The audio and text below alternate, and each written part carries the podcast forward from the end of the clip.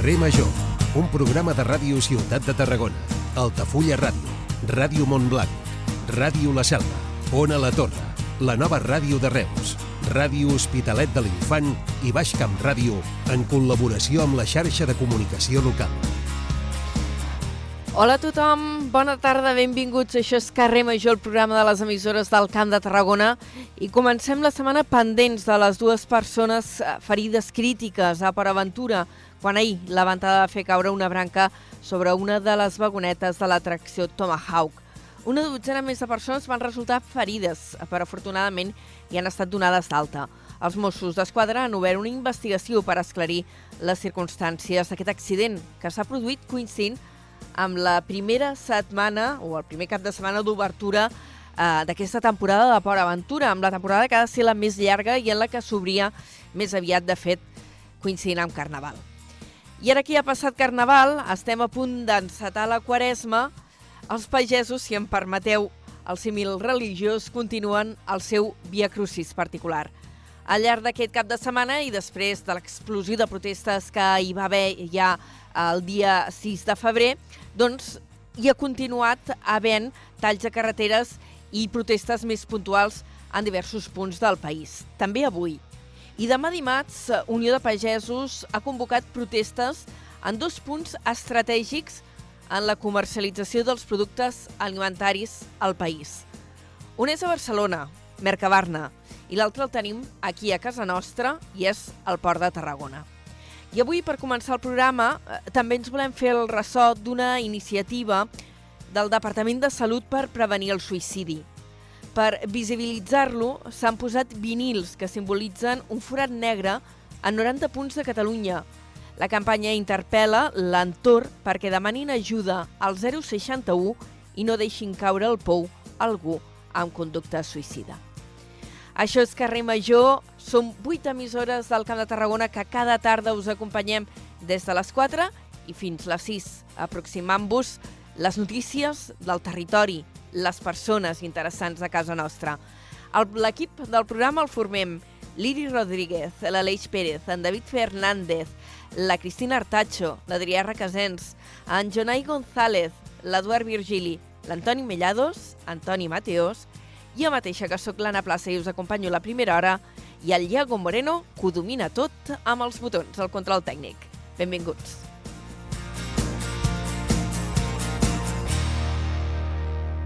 Carrer Major, Anna Plaza i Jonai González.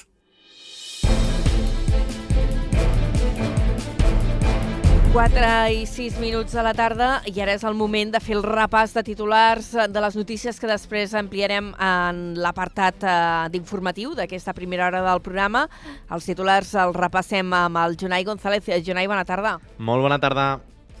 El vent s'apunta com la causa de l'accident que ahir diumenge va deixar 14 persones ferides a Paraventura quan va caure una branca sobre una vagoneta de l'atracció Tomahawk. Dues encara continuen ingressades en estat crític.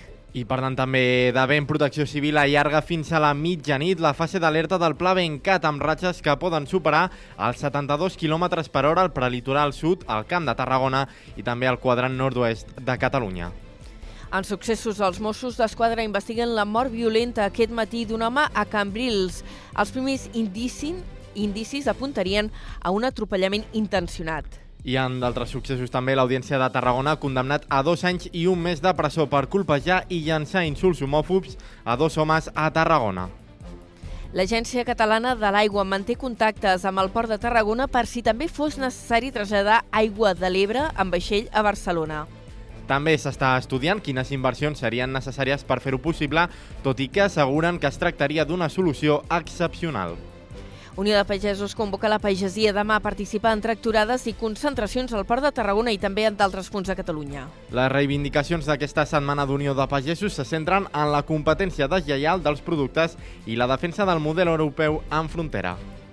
I en clau local, Aigües de Reus preveu una inversió de 5 milions d'euros aquest 2024. La major part d'aquest pressupost es destinarà a intervencions per fer front a la sequera.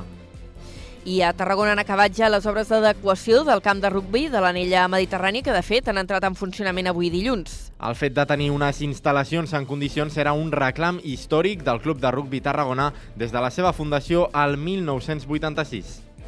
I en esports eh, farem balanç de com ha anat el cap de setmana pels eh, equips de casa nostra. D'una banda, el Nàstic ha vençut el Reial Unión per dos a uns i s'ha situat com a líder en solitari. Els tarragonins aprofiten l'empat a la Pontferradina per assaltar la primera posició. I en bàsquet, a l'Alep Plata, una victòria de prestigi pel Club Bàsquet Salou davant el Benicarló i una derrota esperable contra el líder pel Club Bàsquet Tarragona. Moltes gràcies, Jonai. D'aquí una estona ho repassem tot molt més detalladament. Fins, Fins ara. després. Adéu.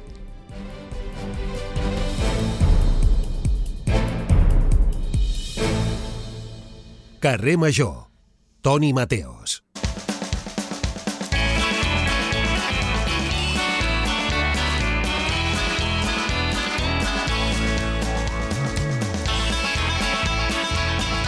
Mateos, Anna Plaça, bon dia. què, oh, què te passa?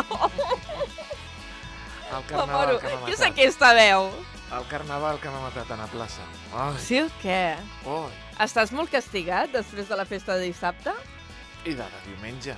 Ah, també? Diumenge també va sortir? Sí, sí, a la rua, a la rua matinal. Rua matinal Mare que va acabar Déu, per senyor. mi a les, a les 8 Mateos, de però que no tens edat ja per fer aquestes Dues animalades. edats tinc, dues edats. El que passa és que tenia darrere els nois de la selva, de la Sí? penya Els Petes, que Sí? són joves, i deien, de deien, mira, el de la tele, mira, el de la ràdio, va, anima't, balla, pren una copeta. I Estàs castigadíssim.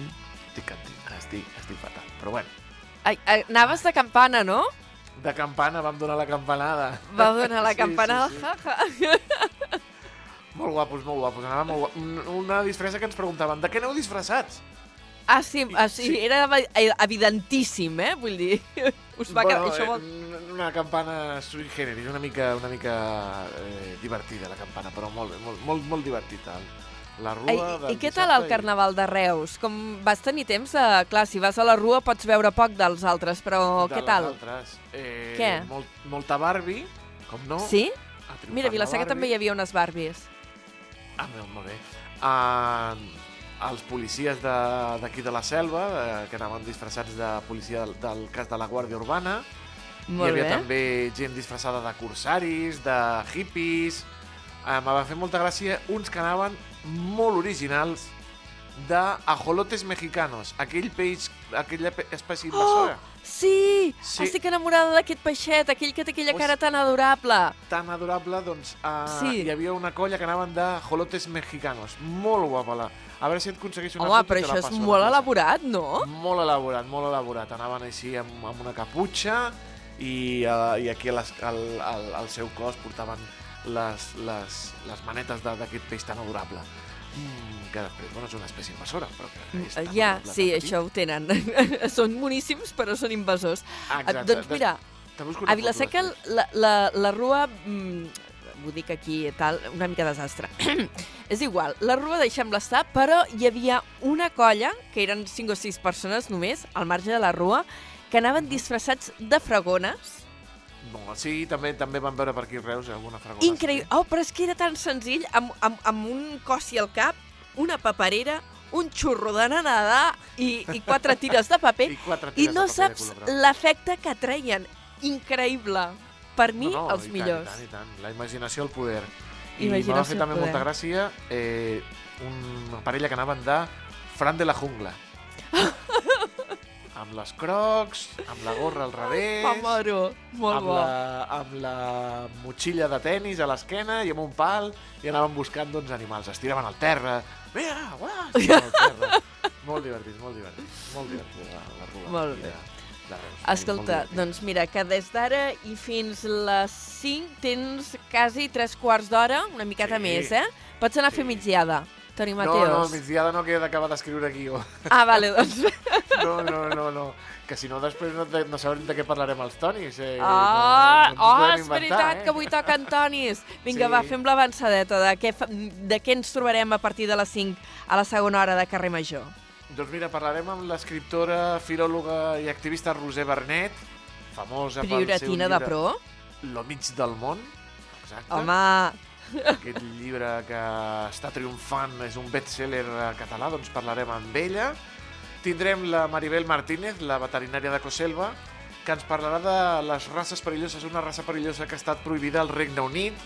Fins i tot Richie Sunak, el primer ministre, ha dit que eh, els gossos que no estiguin eh, xipats, sensats i assegurats seran sacrificats, els American Bullies. Als Tonis parlarem de la figura de Charles Darwin, eh, perquè avui fa aniversari d'aquest naturalista anglès i parlarem de la teoria de l'evolució i d'algunes eh, coses curioses de- d'aquest naturalista, banda sonora del Camp de Tarragona i la furgoneta, avui, eh, que s'ha jugat la Super Bowl, doncs anem amb el rugby. Eh? Avui anem al Camp de Però la gent se mirava la. Super Bowl super, per la Super Bowl o perquè actuava la Taylor Swift o perquè hi No, jugava Taylor el seu no no- actuava. Taylor No actuava. Ah, no, jugava el seu nòvio o alguna Ah, cosa exacte. així. I han Qui guanyat el actuava, seu nòvio. doncs? Ai, Què? El que, que ha guanyat el, el, el, els Kansas City Chiefs i jo anava amb els San Francisco 49ers. Oh, per favor, quin greu. Ah, va, Sí, sí. sap Per. I qui ha actuat avui a la mitja part, doncs? És- Un raper que es diu Usher. Sí, sí. Ah, Després li demanarem la- al Iago que posi alguna cançó visca en la ignorància, eh? doncs ja li demanarem que posi a la cançoneta. desconnexió. I tant, i tant. Perfecte. Doncs, eh, mira, ara um, jo anuncio qui, tin, qui tenim ara a l'entrevista, perquè, a més, m'he colat d'una cosa, que és que li havia de passar l'enllaç per fer uh, l'enllaç Ah, de videotrucada per- per i no li he passat perquè, com que faig 50 coses, doncs sempre n'hi ha Sí. alguna que me n'oblido i l'hem hagut de trucar.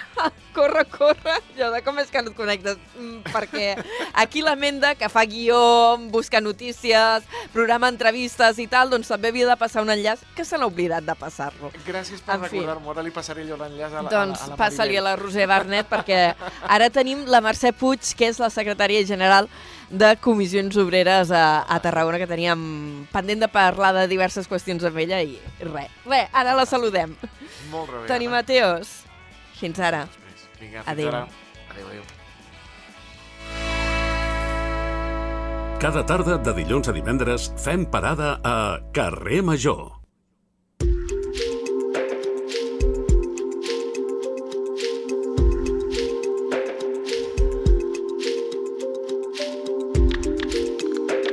Ara ho comentàvem amb el, amb el Toni. Avui la nostra convidada a la primera hora del programa és la Mercè Puig, ella és la secretària general de Comissions Obreres al Camp de Tarragona i la truquem uh, per telèfon perquè m'he oblidat de passar-li l'enllaç de videotrucada així de clar. Uh, senyora Puig, bona tarda i disculpi. Tarda. No passa res. Totalment comprensible, eh? És allò, saps uh, aquell concepte del multitask, de quan has de fer 50 coses al mateix temps en paral·lel i n'hi ha alguna que falla? Doncs ja vindria a ser això. No, això ens passa a tots, eh? Jo crec que això és algo comú quan tens això, multita multitasques és el que toca, no passa res. Ne parleu als sindicats eh, de- d'això, del treball en paral·lel, d'haver de fer moltes coses al, al mateix temps i... eh, És una qüestió que heu tractat o no? Ta també ho fem, també debatem sobre aquests temes, eh? Perquè a nosaltres interna internament també ens passa, eh? Que fem de mil coses. I a les feines normalment també passa moltíssim, eh? Molt més del que Ai, va. hauria de passar. Ai, sí. Eh, doncs, feta aquesta disculpa inicial, eh, avui estem conversant la Mercè Puig i un dels motius de l'entrevista és que tot just eh, dijous passat vau fer una assemblea oberta del sindicat al, al Camp de Tarragona i teníem ganes de que ens expliquéssiu el perquè d'aquestes assemblees obertes, que només eh, la feu, heu fet aquesta d'aquí, sinó que n'esteu fent arreu de Catalunya i, i tenir impressions de com va anar. Sí, bueno, eh, eh, aquest procés és, és la tercera assemblea que fem, vale? ho vam fer el 2015, el 2020 i aquest any. Aquestes assemblees venen lligades als nostres processos de, de, de congressos, que és on, on, on decidim eh, les, la, lo, que són mm, els òrgans nostres, els decidim. Llavors, l'any abans fem aquestes assemblees sindicals obertes perquè el que volem des del sindicat és poder escoltar la gent. O sigui, nosaltres, aquestes assemblees, el que venim, donem uns eixos i llavors el que volem és escoltar què ha de dir l'afiliació, el que ha de dir les associacions amb qui tenim d'allò, amb entitats, amb tothom que vulgui venir, no? i el que fem és obrir-les a, a nivell de Catalunya. En tenim unes 100 assemblees i aquí a Tarragona doncs, ne fem al Vendrell, a Valls, a, a Tarragona, a Reus, a Tortosa. Intentem aproximar-nos com més com més millor a, la, a el que és els treballadors i les treballadores, no? Perquè es tracta de sentir la seva opinió, no? La seva opinió i a- amb el que recollim d'aquestes assemblees, nosaltres el que fem són les línies estratègiques del sindicat pels pròxims quatre anys després del, pro- del procés congressual que farem l'any vinent. Mm. I en aquesta reunió de Tarragona, que és la, la més propera, la última que heu fet, Mm -hmm. eh, quins temes van sortir? Mira, en aquests, nosaltres tenim uns eixos, no? I els eixos que nosaltres hem donat per començar el debat, entre molts altres, eh? que llavors allí la gent pot parlar i ens pot, i ens pot portar de tot, no? Però han parlat de joves, no? Perquè pensem que és el primer eix que han posat com a número 1, perquè jo penso que és una cosa que és evident eh, que parlem de joves, perquè és molt important, eh, perquè els joves no es poden emancipar, no poden accedir a un habitatge, no tenen treballs estables ni ben remunerats, no? Tenim a la gent jove que ens costa que s'acostin als sindicats, no? I estem buscant el per què, quin és el motiu, eh, com fer-ho, no? D'aproximar-nos. Eh, un, altre, un altre eix, que no pot ser un altre, és el treball, el món del treball, no? Parlar de salaris, de negociació col·lectiva. Llavors, un altre és els drets de la ciutadania, tot el tema que té a veure amb, amb, amb drets socials. Parlem de migració, eh, parlem una miqueta, eh, són eixos que són molt oberts, no? però que nosaltres després eh, es fa tota una recollida no?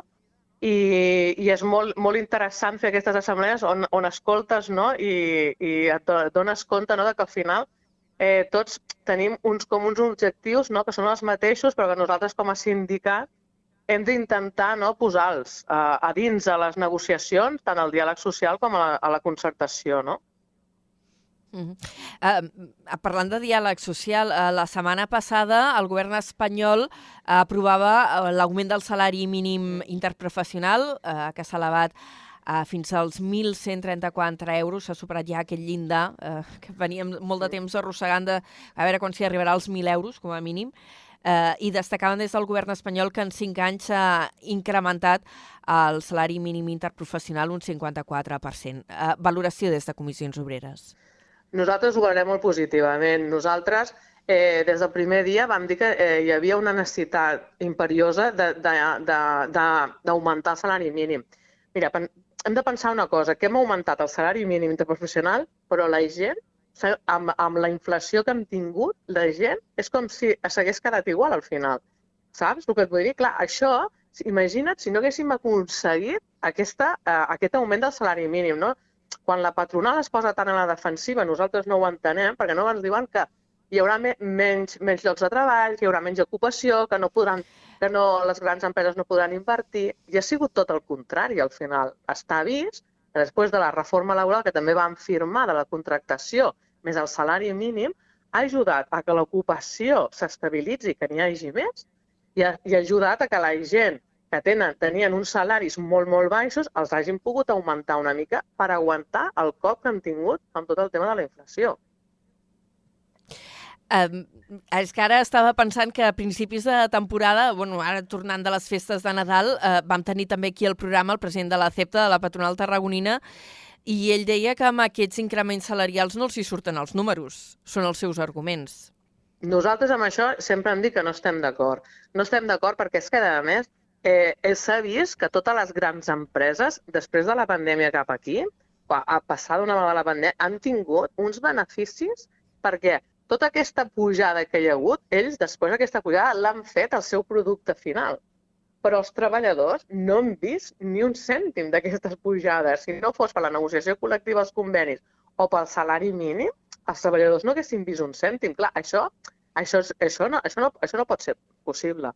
Jo entenc que ells diguin, és que jo abans guanyava 300 i ara guanyo 200. Ja, ja, jo ja ho entenc. Però, escolti, és que la gent eh, cada vegada està més empobrida a casa nostra. Hi ha més pobresa a Catalunya i això està demostrat. Escolti'm, vostès també han de treballar en la línia de que, ostres, abans ne guanyava 300, ara ne guanyava 200, però ells ens diuen nosaltres que tenen pèrdues, i això no és veritat tampoc. Home, de fet, ara fa uns dies sortien les dades de beneficis de- d'entitats bancàries com el BBA Mm. o, o CaixaBank i fins i tot ne vam fer una miqueta de conya eh, internos amb els companys del programa, allò de, ostres, no sé jo, després venen i ploren, no? Sí, clar, això és el que diem nosaltres, no? El que no pot ser és que es queixin contínuament, però, no, però és el que dic jo, dic, és que ells no tenen pèrdues, que han deixat de guanyar els mateixos beneficis que tenien fa 10 anys. Bueno, potser sí, però és que, escolti, les coses estan canviant per tothom. Vostè ha deixat de guanyar 50, però escolti, però segueix guanyant 200. Escolti, m'entén? Mm, i, i, quin, I què reparteix vostè als seus treballadors d'aquests beneficis, no? Quin percentatge en reparteix realment? No? Clar, això no pot ser. S'ha de fer un altre canvi, no? I això és una de les línies que s'està treballant també des de comissió, no? que sempre diem que s'ha de repartir la riquesa. El que no pot ser és que la riquesa es quedi amb quatre i no sigui repartida per tothom, perquè al final, si tu reparteixes els diners, ja, la gent pot sortir a, a, a, a, als museus, pot sortir a fer cultura, pot sortir a fer coses. Però si aquesta gent no tenen diners per poder pagar la hipoteca, les factures, el teu dia a dia, com han de sortir? A gaudir del temps lliure o, del, o de la cultura o de qualsevol cosa. Això no pot ser de cap manera. Uh, senyora Puig, a banda d'haver-se aprovat ara fa molt pocs dies, de fet la setmana passada, aquest increment del salari mínim interprofessional, uh, el govern espanyol també ha emprès un procés de negociació per anar reduint uh, la jornada laboral. Des de Comissions Obreres, com creieu que hauria de quedar uh, aquesta jornada laboral? Bueno, nosaltres aquí a Catalunya tenim una cosa que és diferent, que és que aquí a Catalunya quasi, quasi que tenim el 90% dels convenis que ja els tenim sobre les 37 hores i mitja. Nosaltres aquí a Catalunya ja estàvem demanant ja fa temps que nosaltres eh, hauríem d'anar treballant les 35 hores i anar cap a les 32, perquè realment a les negociacions col·lectives que hem aconseguit fer, no? eh, hem aconseguit arribar a aquestes 32 hores i mitja, no? que això és, és beneficiós. Llavors, el que volem aquí a Catalunya és anar treballant cap a aquestes 35 hores, perquè realment aquestes, aquestes, uh, aquestes hores que treballem de menys que a més, que és una altra cosa que no entenem, que, que també està la patronal que no està d'acord amb, amb fer aquesta reducció perquè diu que també va en detriment dels seus beneficis, no? que aquí... Oh, suposo no, que el no seu quedem... argument és si treballen menys hores hauré de contractar més gent, no em surten els números. Dic jo, Clar, eh? Sí, sí, sí, és que sempre, sempre tenen aquesta argumentació. Sempre ho veuen tot en negatiu i diuen que això produirà que hi hagi eh, menys ocupació d'estabilitat, que hi hagi menys... I nosaltres els diem que sempre estan veient tota la part negativa de tot. També ho deien quan van fer, quan, va, quan van fer tota la reforma contractual, amb la reforma laboral, bueno, van posar el crit al cel, perquè, clar, això de ser l'agent fixa discontinu, de desaparèixer el contracte d'obra i servei, que tot això els empitjoraria. I ha sigut tot el contrari, eh? Ha millorat l'ocupació i nosaltres creiem que ara també. Tenim plantilles que són amb unes edats molt elevades. Tenim gent amb atur de llarga durada de més de 40 anys. Eh? O sigui, que nosaltres pensem que tot això pot donar estabilitat i ocupació a moltíssima gent que ara mateix no la té. Mm. Ara parlava de, de dades de l'atur, ho ha dit així de passada, no? amb l'estabilització, amb aquests nous contractes, eh, el, donar més predomini al, als contractes indefinits, eh, però hem vist que l'any mm, veníem d'una evolució relativament positiva després de tot el que havia sigut la crisi de la Covid, de, de recuperació de les taxes d'ocupació, però hem vist que el 2023 s'ha tancat amb un increment d'atur a la demarcació de, de Tarragona. Quina lectura en feu des de, des de Comissions Obreres? Bueno, nosaltres sempre hem dit que, que ens preocupa moltíssim l'atur que tenim a, a, la, a les nostres comarques, perquè realment nosaltres tenim un sector que depenem moltíssim, que és tot el sector de, de serveis, no? i que una vegada hem estabilitzat les plantilles, doncs això fa com una frenada, no? realment. I llavors el que ens preocupa és que no veiem nous projectes, perquè una vegada s'ha estabilitzat el que és tot el tema del sector serveis, clar, si no hi ha nous projectes industrials, si no creiem no, nous projectes que portin més ocupació al territori, difícilment podrem seguir augmentant amb ocupació i reduint eh, la gent que tenim a l'atur. Clar, això serà molt complicat tindre aquesta regla de 3, eh? Mm -hmm. Home, de projectes ara estava pensant en l'OTE, eh, a Riudor, a Riudoms, a Montroig del Camp, eh, la zona d'activitats logístiques, eh, la indústria mm. també està amb tot el tema de l'hidrogen, s'ha de fer la hidrogenera de Repsol. Per citar-ne alguns, tenim els fons de, de transició nuclears eh, que estan mig en marxa, que no acabo d'entendre ben bé com funciona perquè han fet un sistema relativament complicat. Eh, sí. No teniu esperances amb aquests eh, diferents eh, actors que tenim sobre la taula de de dinamització? saps quin és el problema? Que veiem que s'està començant a treballar, però no li veiem la llum al final. Jo ho sento ser bastant així, no soc Eh, amb el tema de Montroig sí que és veritat que ho veiem perquè és una empresa que ve i tants llocs de treball i tant fent, no? El tema de l'hidrogen verd fa molt de temps que ho estem veient al projecte, que van, se van desenvolupant, però no acabem de veure ben bé quina ocupació tindrà real, ni què tindrà, ni com ho acabarem de fer. I després ens preocupa molt tot el tema de lo que has dit del, de la taula aquesta dels fons de transició nuclear, perquè realment nosaltres amb aquesta taula som bastant crítics perquè realment hi ha molts diners en aquesta taula i realment no s'està treballant cap projecte que diguis que amb aquell, amb aquell territori, que en quan se tanqui la nuclear, aquell territori quedarà desert, no s'està fent cap projecte real que dongui allà uns llocs de treball una ocupació i que dongui vida al territori. Eh? perquè esperaríeu que arribés alguna gran inversió que, que suplís el lloc que tenen ara les, les nuclears, perquè entenc una mica eh, la voluntat del govern català pel que he anat entenent a mesura que s'anava explicant tot aquest tema dels fons de transició nuclear, és que es volia mm, donar finançament també a, a projectes eh, locals i, i a iniciatives empresarials al territori, no? Potser no posar sí, sí. els ous tots en un mateix cistell, sinó anar fent eh, com una taca d'oli. Sí, però nosaltres, el que nosaltres veiem és que sí que es poden fer aquestes coses, però anar fent aquestes gotes d'oli en un territori que és tan complexa com el que estem, com, a, com està, que és tota aquella zona de Flixmon i tot allò d'allà, en un territori tan complexa, el que es necessita és que també s'arribi un projecte, eh, o sigui, que un projecte gran també, perquè fer coses petites a nivell de poblacions petites, al final, això no farà que aquell territori es desenvolupi i, i, faci, i creï més coses, no? I llavors, clar, nosaltres, eh, amb tots els diners que hi ha damunt de la taula, creiem que també s'hauria de mirar un projecte que realment li donés a aquest territori una empenta que és el que realment necessita.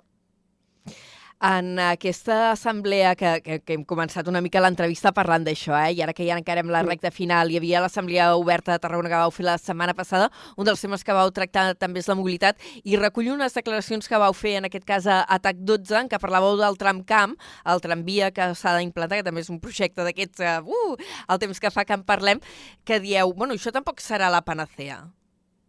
No, perquè això, al final, això és una solució que tenim aquí, eh, que començarà amb un tram petit, no? després volen ampliar-lo, però bueno, s'ha d'anar veient tal com se van ampliant, però territorialment tampoc ens solucionarà el problema de mobilitat que tenim. Eh, aquí o es fa realment un projecte de transport públic a tot el territori i si i realment eh, la Generalitat fa posar tots els ajuntaments i que, se, i que es faci un projecte real, que sí que és veritat que això solucionarà una part, però no serà aquí la solució que, del problema que tenim nosaltres al territorialment, ni molt menys.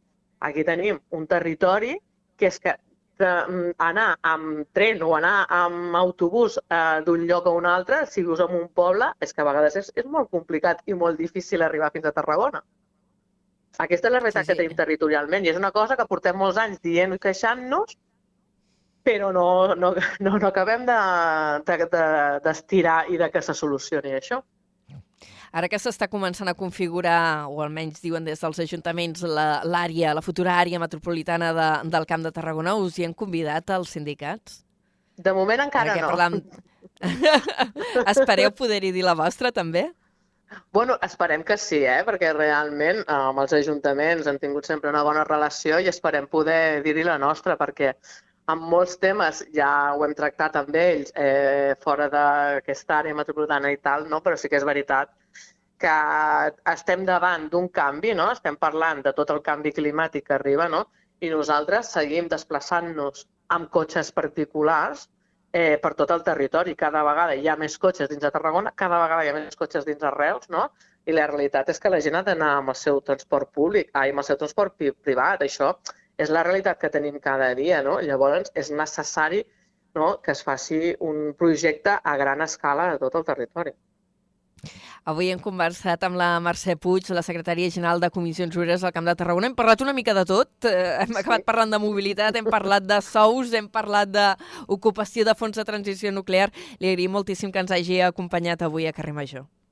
Moltes gràcies a vosaltres per convidar-me. Bona tarda. Fins la propera. Adéu-siau. Adéu, bona tarda.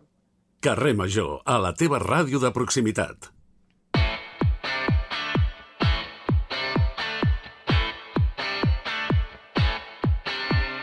Vinga, doncs, encetem ara la secció que dediquem cada dilluns a repassar resultats esportius. Ho fem amb el Carles Cortés, del programa Com ho veus, del programa de Dorsal 12, de tantes altres coses que fa en Carles per aquests mons de Déu. Escolta'm, eh, el diari de Tarragona em, deia, em sembla que titulava que el Nàstic s'ha disfressat de lideratge aquest cap de setmana. Efectivament, sí, sí, gràcies a la victòria una més aquesta temporada, hem de dir una més, perquè ara porta una ratxa de 8 partits sense perdre, 7 victòries i un empat consecutius. I si es va disfressar de lideratge per una cosa, bé, per un doble factor. Un, guanyes el teu partit del cap de setmana, 2 a 1 contra el Real Unión de Irún, i el rival directe, que és la Pontferradina, que és qui era líder fins la jornada anterior, va punxar a casa, va empatar. Per tant, aquest doble factor, aquest doble resultat ha fet que el Nàstic s'hagi disfressat aquest cap de setmana de líder, tot i que jo sóc dels que penso que disfressar-se aquest cap de setmana de líder no és eh, representatiu de res, sinó que això és una cursa de fons i encara queda molta jornada. Ha sigut una mica circumstancial, doncs, tens la sensació? Sí, ho és, ho és, ho és, perquè s'han produït aquests resultats, igual que la setmana vinent es poden produir uns altres i que el Nàstic perdi el, el liderat. I què voldrà dir això? Que és un dalta baix, que no...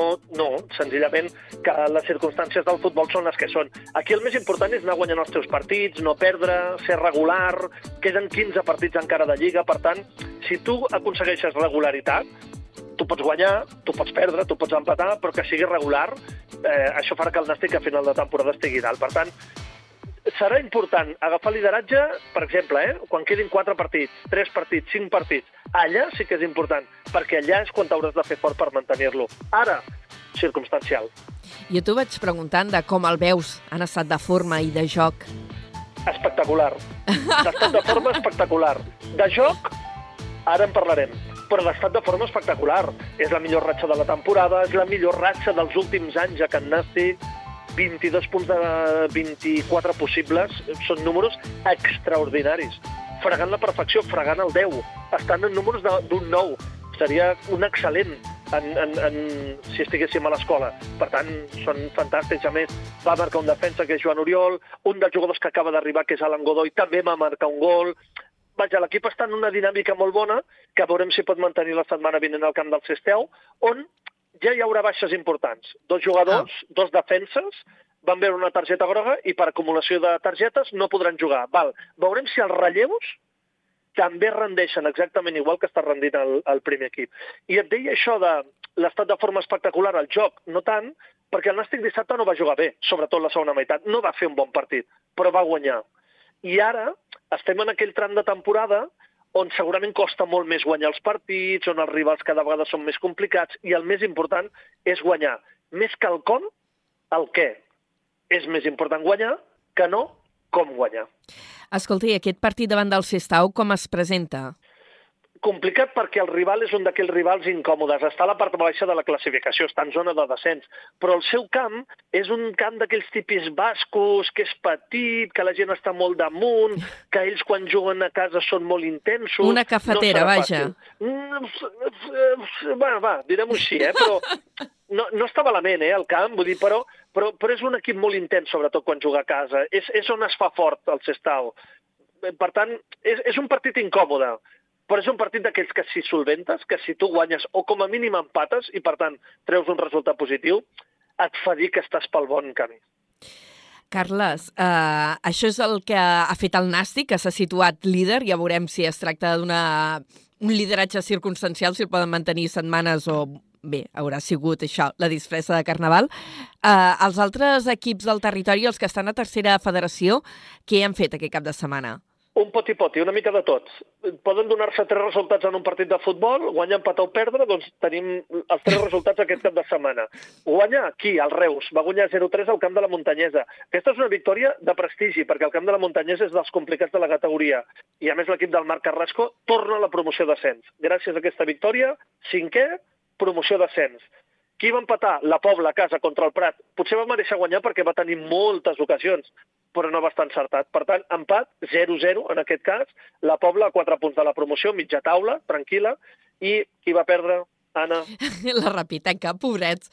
doncs això. Ja t'ho dic, eh? Em compraré un, un peluix i li posaré una samarreta de la rapitenca i... Doncs això, a més va perdre l'altra punta de país, va Pobrets. perdre a Paralada, va jugar a Paralada, l'altra punta de país. cansats per del tant, viatge. Correcte. I, i, i no sé, no sé si el camp de, o sigui, nosaltres al Camp de Tarragona tenim molt de vent. No sé si a Paralada el dissabte, perquè van jugar dissabte, també feia molt de vent o no, però va perdre 1-0 la Rapitenca, que continua en zona de descens i està a 4 punts de la permanència. I atenció, diumenge vinent, pels amants del futbol de casa nostra, de la demarcació, derbi. Rapitenca Pobla, diumenge a les 12 a Sant Carles de la Ràpita. Doncs mira, la, la, el diumenge que ve se n'anem d'excursió cap a l'Ebre. Escolta, I cap fer- problema. I fer una rosset, no? Fer una roseta, aprofites, Ah, clar, d'això es tracta. Uh, bàsquet. Uh, N'hi ha hagut també un de cada, no? Sí, a l'Ale Plata sí, sí, sí. D'alguna manera ha passat el que havia de passar i que ningú Era s'ofengui, previsible. Eh? Sí, que ningú s'ofengui, eh? perquè el que havia de passar és que el Club Bàsquet Tarragona va perdre a la pista del líder, a més amb contundència de 33 punts, Això- 93 a 60. Pobrets, quan ho he vist... Sí, sí, sap greu. És, és derrota previsible, el que segurament és no, t'esperes no perdre de tants punts. Ja, Sant Antoni 93, Club Bàsquet Tarragona 60, 33 punts de diferència. és una Club repassada, no? Sí, clar, clar, en tota regla. Vull dir que fa mal. Previsible, però fa mal per, per la quantitat de punts, eh? per la diferència de punts. Sis victòries, Club Bàsquet Tarragona, ja ho hem dit, ho estem dient, a seguir treballant per aconseguir la permanència, lluitarà fins l'últim dia i esperem que ho pugui aconseguir. I la bona notícia és del Salou, va guanyar 66-57 davant del Benicarló. És doble bona notícia. Guanyes i guanyes un rival directe a la classificació amb qui empates. Salou cinquè, 12 victòries, i agafa, atrapa el Benicarló a la classificació. Per tant, bona victòria d'aquelles contra un rival directe. No ha pogut recuperar el bàsquet a Baraix perquè va perdre de més punts a Benicarló a la primera volta, però has guanyat, i aquest és un pas molt important també endavant, en aquesta lluita per estar entre els millors. I eh, possibilitats de play-off pel Salou? Sí, sí, sí, sí, està viu, està viu. Aquí el més important és estar viu en aquest tram de temporada. I llavors, quan quedin 4, 5, 6 partits, fer l'assalt definitiu a quedar el millor classificat possible. Per opcions de play-off d'ascens, i són... Ascens és una altra pel·lícula, eh? Però opcions de jugar al play-off d'ascens, totes pel Salou de Jesús Muñiz, totes. I pel, pel Valls, que juga a Lliga EVA, com, com... Mira, El el, Valls. Avui no ho he mirat, eh? ha No, guanyat, no... ha guanyat. Ha guanyat. Ha tornat a guanyar, sí, però saps què passa? Què? Que han tornat a guanyar els dos primers. Ah, sí, era allò que anaven tan empatats, clar, oi? Clar, és que el Valls de Víctor Neila està fent una temporada sensacional. 14 victòries, només 4 derrotes. 14-4 en 18 jornades. Aquesta última contra el filial de la Penya, del Joventut de Badalona. 77-69. Però clar, és que la Bisbal d'Empordà torna a guanyar, és que el Mollet torna a guanyar. Bisbal 17 victòries, una derrota, Mollet 16-2. És, anar, és, és, és remar, remar, remar, remar el Valls, no defallir, i esperar, com dèiem la setmana passada, els resultats directes per intentar atrapar-los. Però fa una gran temporada, però és que els rivals estan d'una manera esplèndida. I posar palmetes a la Mare de Déu de la Candela, eh? Potser també. Per exemple, per exemple, sí, sí, sí. Insisteixo, eh? És que no, no hi ha res a retreure, eh, al Valls, res. Eh, L'únic és dir, escolta, i si els altres punxen algun partit? Espera, no queda un altre. Anem a parlar d'hoquei. Carles, Sí. uh, teníem un derbi a la Champions i després hi ha hagut la Lliga regular aquest cap de setmana en què el Calafell ha guanyat, el Reus ha empatat. Correcte, el, der el derbi ràpidament, eh? La Champions va guanyar el Reus 5 a 4 al Calafell i això va fer que eh, el Reus no tenia res a fer ja en el que queda de jornada, només queda una jornada de Champions, però va guanyar allò de l'orgull i ara el Calafell té una combinació bastant complicada per intentar entrar entre els dos primers. Podria ser, però depèn del resultat també de l'Sporting Club de Portugal. Això ho parlarem la setmana vinent, perquè la Champions no torna fins la setmana vinent. Eh, Us faré un, un, un, unes aproximacions numèriques del que hauria de fer el Calafell per passar Val. però depèn del, del gol a veraix. Has de, has, has, de, has de fer càlculs, vaja, no és tan senzill. I sóc de lletres pures, vull dir que necessito, necessito temps, Ah. jo necessito temps. Podríem dir que no depèn d'ell. Eh, no, clar, clar, no depèn d'ell. No, no, no. És, és més, depèn del Reus. Ja. Ostres, O sigui, el Reus hauria de guanyar l'Sporting de Portugal.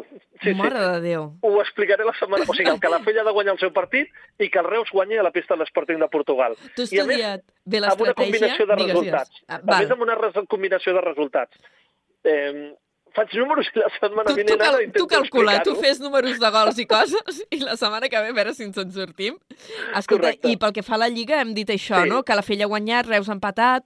Què Correcte, suposen Cala- aquests resultats? Bona victòria al Calafell, 4-1 davant del Girona. Tercer, Calafell, tercer, 31 punts a 3 del Noia. A només 3 del segon classificat. Per què? Perquè el Reus va aconseguir un meritori empat a la pista del Noia, 4-4, i Molt bé. La classificació a la part alta. Barça, allò, allò del Barça ja no ho comento, eh? Sí, ja, perquè van, ja vas dir que Fora de- anaven disparats fora de- per davant sí, i sí. res a fer. Res, res. Segon Noia, 34, tercer Calafell, 31, Voltregà i Liceo, 29, Igualada i Reus, 26. Està ajustadet i veurem què passa la pròxima jornada, perquè hi ha un Reus-Igualada, duel directe, i el Calafell visita la pista del Barça. A veure si pot esgarrapar i dona la sorpresa al Calafell a la pista del Barça. Això jugarà dissabte, a veure si pot aconseguir el Calafell. I, i deixa'm també dir un apunt d'hoquei ràpidament, en Digues. parlarem quan arribi, eh? Però es va sortejar quarts de Copa, o s'ha sortejat la fase final de la Copa, Sí? i, i no hem tingut sort, eh? Ni el Reus ni el Calafell, eh? Perquè els hi han tocat uh, líder... Ai, ah, vale. Que són sí, ara, Barça? Mira, correcte, Barça-Reus, i Ostres. qui és el segon, el Noia? Doncs Noia-Calafell. Molt O sigui, bé. els dos primers classificats els hi han tocat, el Reus i el Calafell. Per tant, no serà fàcil, però ja arribarà 7-10 de març a Calafell. En parlarem quan arribi. Uh, Sí. Quina fase és de la Copa? Quarts de final, que juguen 7 i 8 de març, el dissabte jugaran les semifinals, dissabte 9 de març, i el dia 10 la final. És un cap de setmana d'hoquei espectacular a Calafell del 7 al 10 de març. Doncs vinga, apuntat al calendari i acabarem eh, el repàs a l'actualitat esportiva com fem normalment parlant de la Sant Pere i Sant Pau, de vòlei, que ha Bona tornat... victòria. Sí, bona ha tornat a victòria. guanyar. Sí, sí, que, Sí, per com sí. li ha anat? Bé, 3 a 0. Eh, no, no sé si dir fàcil, eh? perquè al món de l'esport tampoc no hi ha res fàcil. Victòria 3 a 0, còmoda, del vòlei Sant Sant Pau, manté el liderat, còmode, 13 victòries, dues derrotes. Sí que té l'Ibiza just una derrota per sota, però fixa't, eh? fa, no sé si eren 3 o 4 jornades, havia perdut a la pista de l'Ibiza i Sí. manté aquesta victòria d'avantatge. Per tant, situació còmoda pel vòlei Sant Sant Pau, victòria, liderat, tranquil·litat i, i a pensar en seguir guanyant i consolidar-se en aquest liderat a final de temporada. Doncs hem fet així la repassada general a- als resultats esportius d'aquest cap de setmana, com fem tots els dilluns amb el Carles Cortés, que ens acompanya amablement per fer aquest repàs. Carles, dilluns que ve vaig hi a fer tornem. números. Te'n Me'n vas- vaig a fer números del, De del l'hoquei patins i, i del Calafell i del Reus i de l'Sporting de Portugal i del Benfica. També t'he de dir que si en tu, que estàs posat en aquest món, et costa, imagina't, igual a mi me rebenta el cap, eh? També ho... Bueno, eh, clar, és que has de guanyar el teu partit, esperar que l'altre perdi, però també influeix la diferència de gols. I llavors ja això tot es complica una mica. Doncs va, deixo amb la calculadora. Molt bé. Xerrem Gràcies, dilluns. Una abraçada. Adéu. Adéu. Carrer Major, al Camp de Tarragona, des de ben a prop. Va, que ja passa un minut de tres quarts de cinc de la tarda i tenim moltes notícies uh, per repassar. Uh, Jonai, bona tarda de nou. Molt bona tarda de nou. Comencem explicant que Protecció Civil allarga fins a la mitjanit la fase d'alerta del Pla Bencat amb ratxes que poden superar els 72 km per hora al prelitoral sud, aquí a casa nostra al Camp de Tarragona, i també al quadrant nord-oest de Catalunya. L'alerta s'amplia a tota la meitat oest del territori, especialment al Ter Sud i al Pirineu Oest. Així, les comarques de la Val d'Aran, Alta Ribagorça, Pallars Sobirà, Tarragonès, Ribera d'Ebre i Baix Ebre s'afegeixen al risc elevat de ventades de la Noia, el Penedès, Baix Penedès, el Camp i Baix Camp, la Conca de Barberà i el Priorat. L'episodi preveu una pujada i una baixada molt brusca de velocitat del temps. Precisament el vent s'apunta com la causa de l'accident que ahir diumenge va deixar 14 persones ferides a Paraventura eh, quan va caure una branca sobre una vagoneta de l'atracció Tomahawk. Dues encara continuen ingressades en estat crític, les altres hi han estat donades d'alta. Mentrestant, els Mossos d'Esquadra s'han fet càrrec de la investigació per aclarir les circumstàncies de l'accident. L'accident es va produir al matí a l'atracció Tomahawk a l'àrea del Far West. Segons fons del mateix parc, la forta ventada va fer caure un arbre i algunes de les branques van impactar contra els usuaris de l'atracció. Els ferits crítics són dues persones adultes que van ser traslladades a l'Hospital de Bellvitge i al Joan 23 de Tarragona. Alguns testimonis han explicat a l'Agència Catalana de Notícies que s'han assabentat de l'accident quan han vist les ambulàncies i l'helicòpter. El Javier i el Xavier Acosta són pare i fill i ahir estaven passant el dia a PortAventura. Únicamente hemos visto el, o sea, cómo lo trasladaban, o sea, cómo in situ en la misma, en la misma parada donde sube, donde sube la gente al vagón, ahí estaban, ahí estaban eh, los médicos eh, curando a la gente y sí el traslado de una persona, de una persona. Es así que sí que la hemos visto. Desde fuera no se veía ningún árbol roto, pero sí que mm, luego han dicho que se había caído un árbol y nosotros no sabíamos realmente qué había pasado, solo habíamos visto que habían médicos y que había gente ahí dentro que estava herida en el suelo. Des del parc temàtic es va emetre un comunicat en què parlaven d'incident fortuït i totalment aliè a l'operativa i manteniment de les atraccions. De moment no han donat més informacions sobre el sinistre, alegant que la policia té una investigació oberta. Aquest greu accident, de fet, s'ha produït tot just el cap de setmana en què Aventura ha iniciat la temporada. El tret de sortida es donava divendres amb la celebració del Carnaval. La previsió és que el parc es mantingui obert durant 307 dies fins al 6 de gener de l'any vinent. Serà la temporada més llarga de la seva història. Dit això, eh, els Mossos d'Esquadra estan investigant la mort violenta d'un home a Cambrils. Els primers indicis apuntarien a un possible atropellament intencionat. Els fets s'han produït aquest matí i ens ho amplia des de Ràdio Cambrils el Gerard Amigó. Un home ha mort de manera violenta aquest dilluns al matí en un camí entre Cambrils i Vinyols i els Arcs, segons han revelat els Mossos d'Esquadra. Els fets han succeït al voltant de dos quarts d'onze del matí quan el 112 ha rebut l'avís d'un atropellament en un camí rural entre Cambrils i Vinyols pertanyent al terme municipal de Cambrils. Fins al lloc dels fets s'hi han desplaçat patrulles dels Mossos d'Esquadra, policia local de Cambrils, bombers i el SEM. Han intentat reanimar el pacient però ja era massa tard. Els agents treballaven amb la hipòtesi que era un possible atropellament atropellament, però en realitat era un homicidi o assassinat. Els Mossos estan investigant els fets i un dels principals objectius és localitzar l'autor del crim.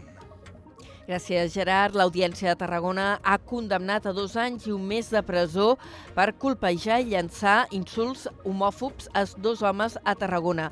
L'acusat ha reconegut que va insultar diverses vegades una de les víctimes i li va donar un cop de puny. El culpable també ha admès que va agredir a l'altre home que va auxiliar el primer. El Ministeri Públic demanava inicialment 5 anys de presó pels delictes contra els drets fonamentals, dos delictes lleus de lesions i un altre de lesions de deformitat. A la vista celebrada aquest dilluns, les parts han arribat a un acord i s'ha fixat la pena de dos anys i un mes de presó i més de 8.000 euros de responsabilitat civil, quantitat que el condemnat ja ha consignat. L'agressió homòfoba es va produir la matinada del 29 de novembre de 2019 a la sortida d'una discoteca situada a la Rambla Vella de Tarragona. 10 minuts per les 5 de la tarda, l'Agència Catalana de l'Aigua manté contactes amb el Port de Tarragona per si també fos necessari traslladar aigua de l'Ebre en vaixell a Barcelona.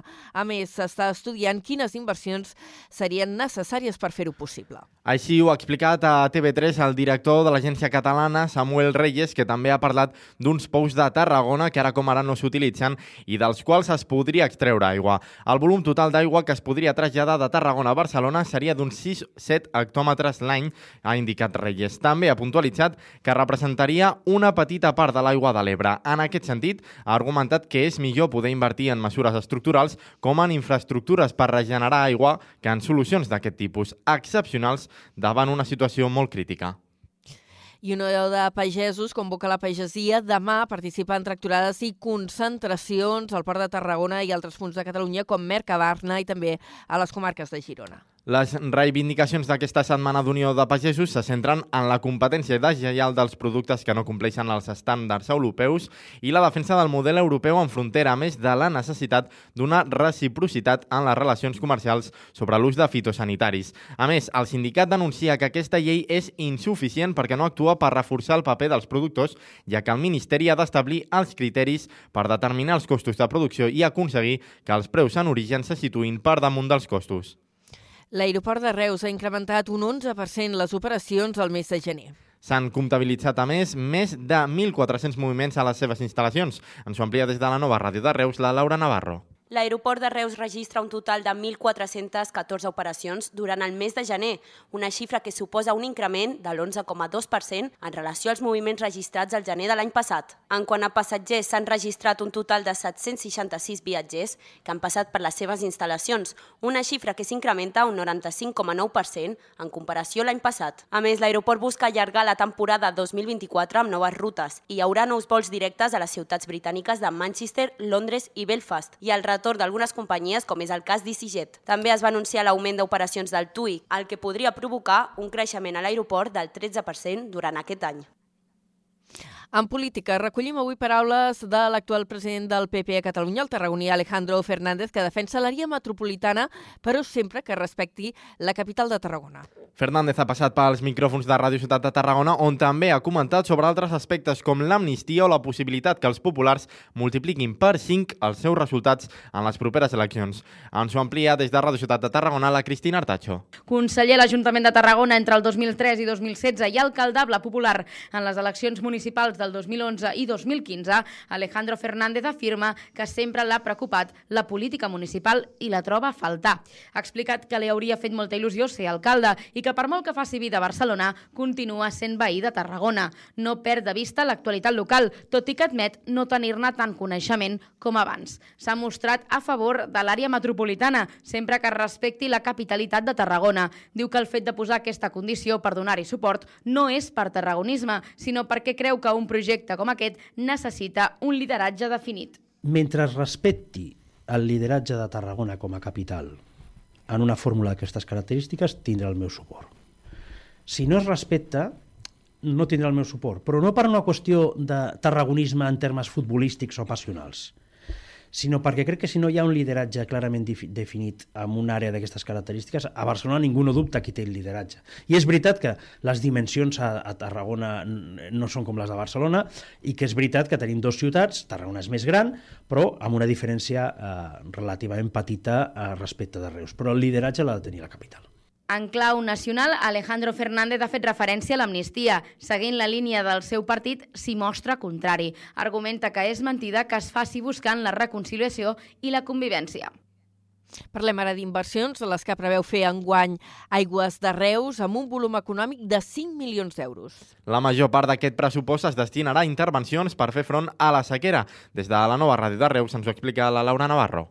Intervencions com l'entrada en servei de pous en desús, la diversificació de fons de proveïment, una major reutilització d'aigua no potable i la desnitrificació d'alguns pous. Una altra part important de la inversió es destina al manteniment de la xarxa d'abastiment i al sanejament de la ciutat, a més de la renovació de la xarxa de comptadors, que es canviaran per comptadors intel·ligents que permeten una lectura a distància. El pressupost també inclou actuacions en la transició energètica i l'impuls de les energies renovables amb la millora de la bassa nova, de la boca de la mina, i continuen amb la renovació de la flota de vehicles elèctrics. El pla d'emergència en situació de sequera inclou diverses fases i preveu mesures que afecten el regadiu de jardins, l'ompliment de piscines i, en cas d'extrema sequera, prioritza el subministrament d'aigua pel consum humà.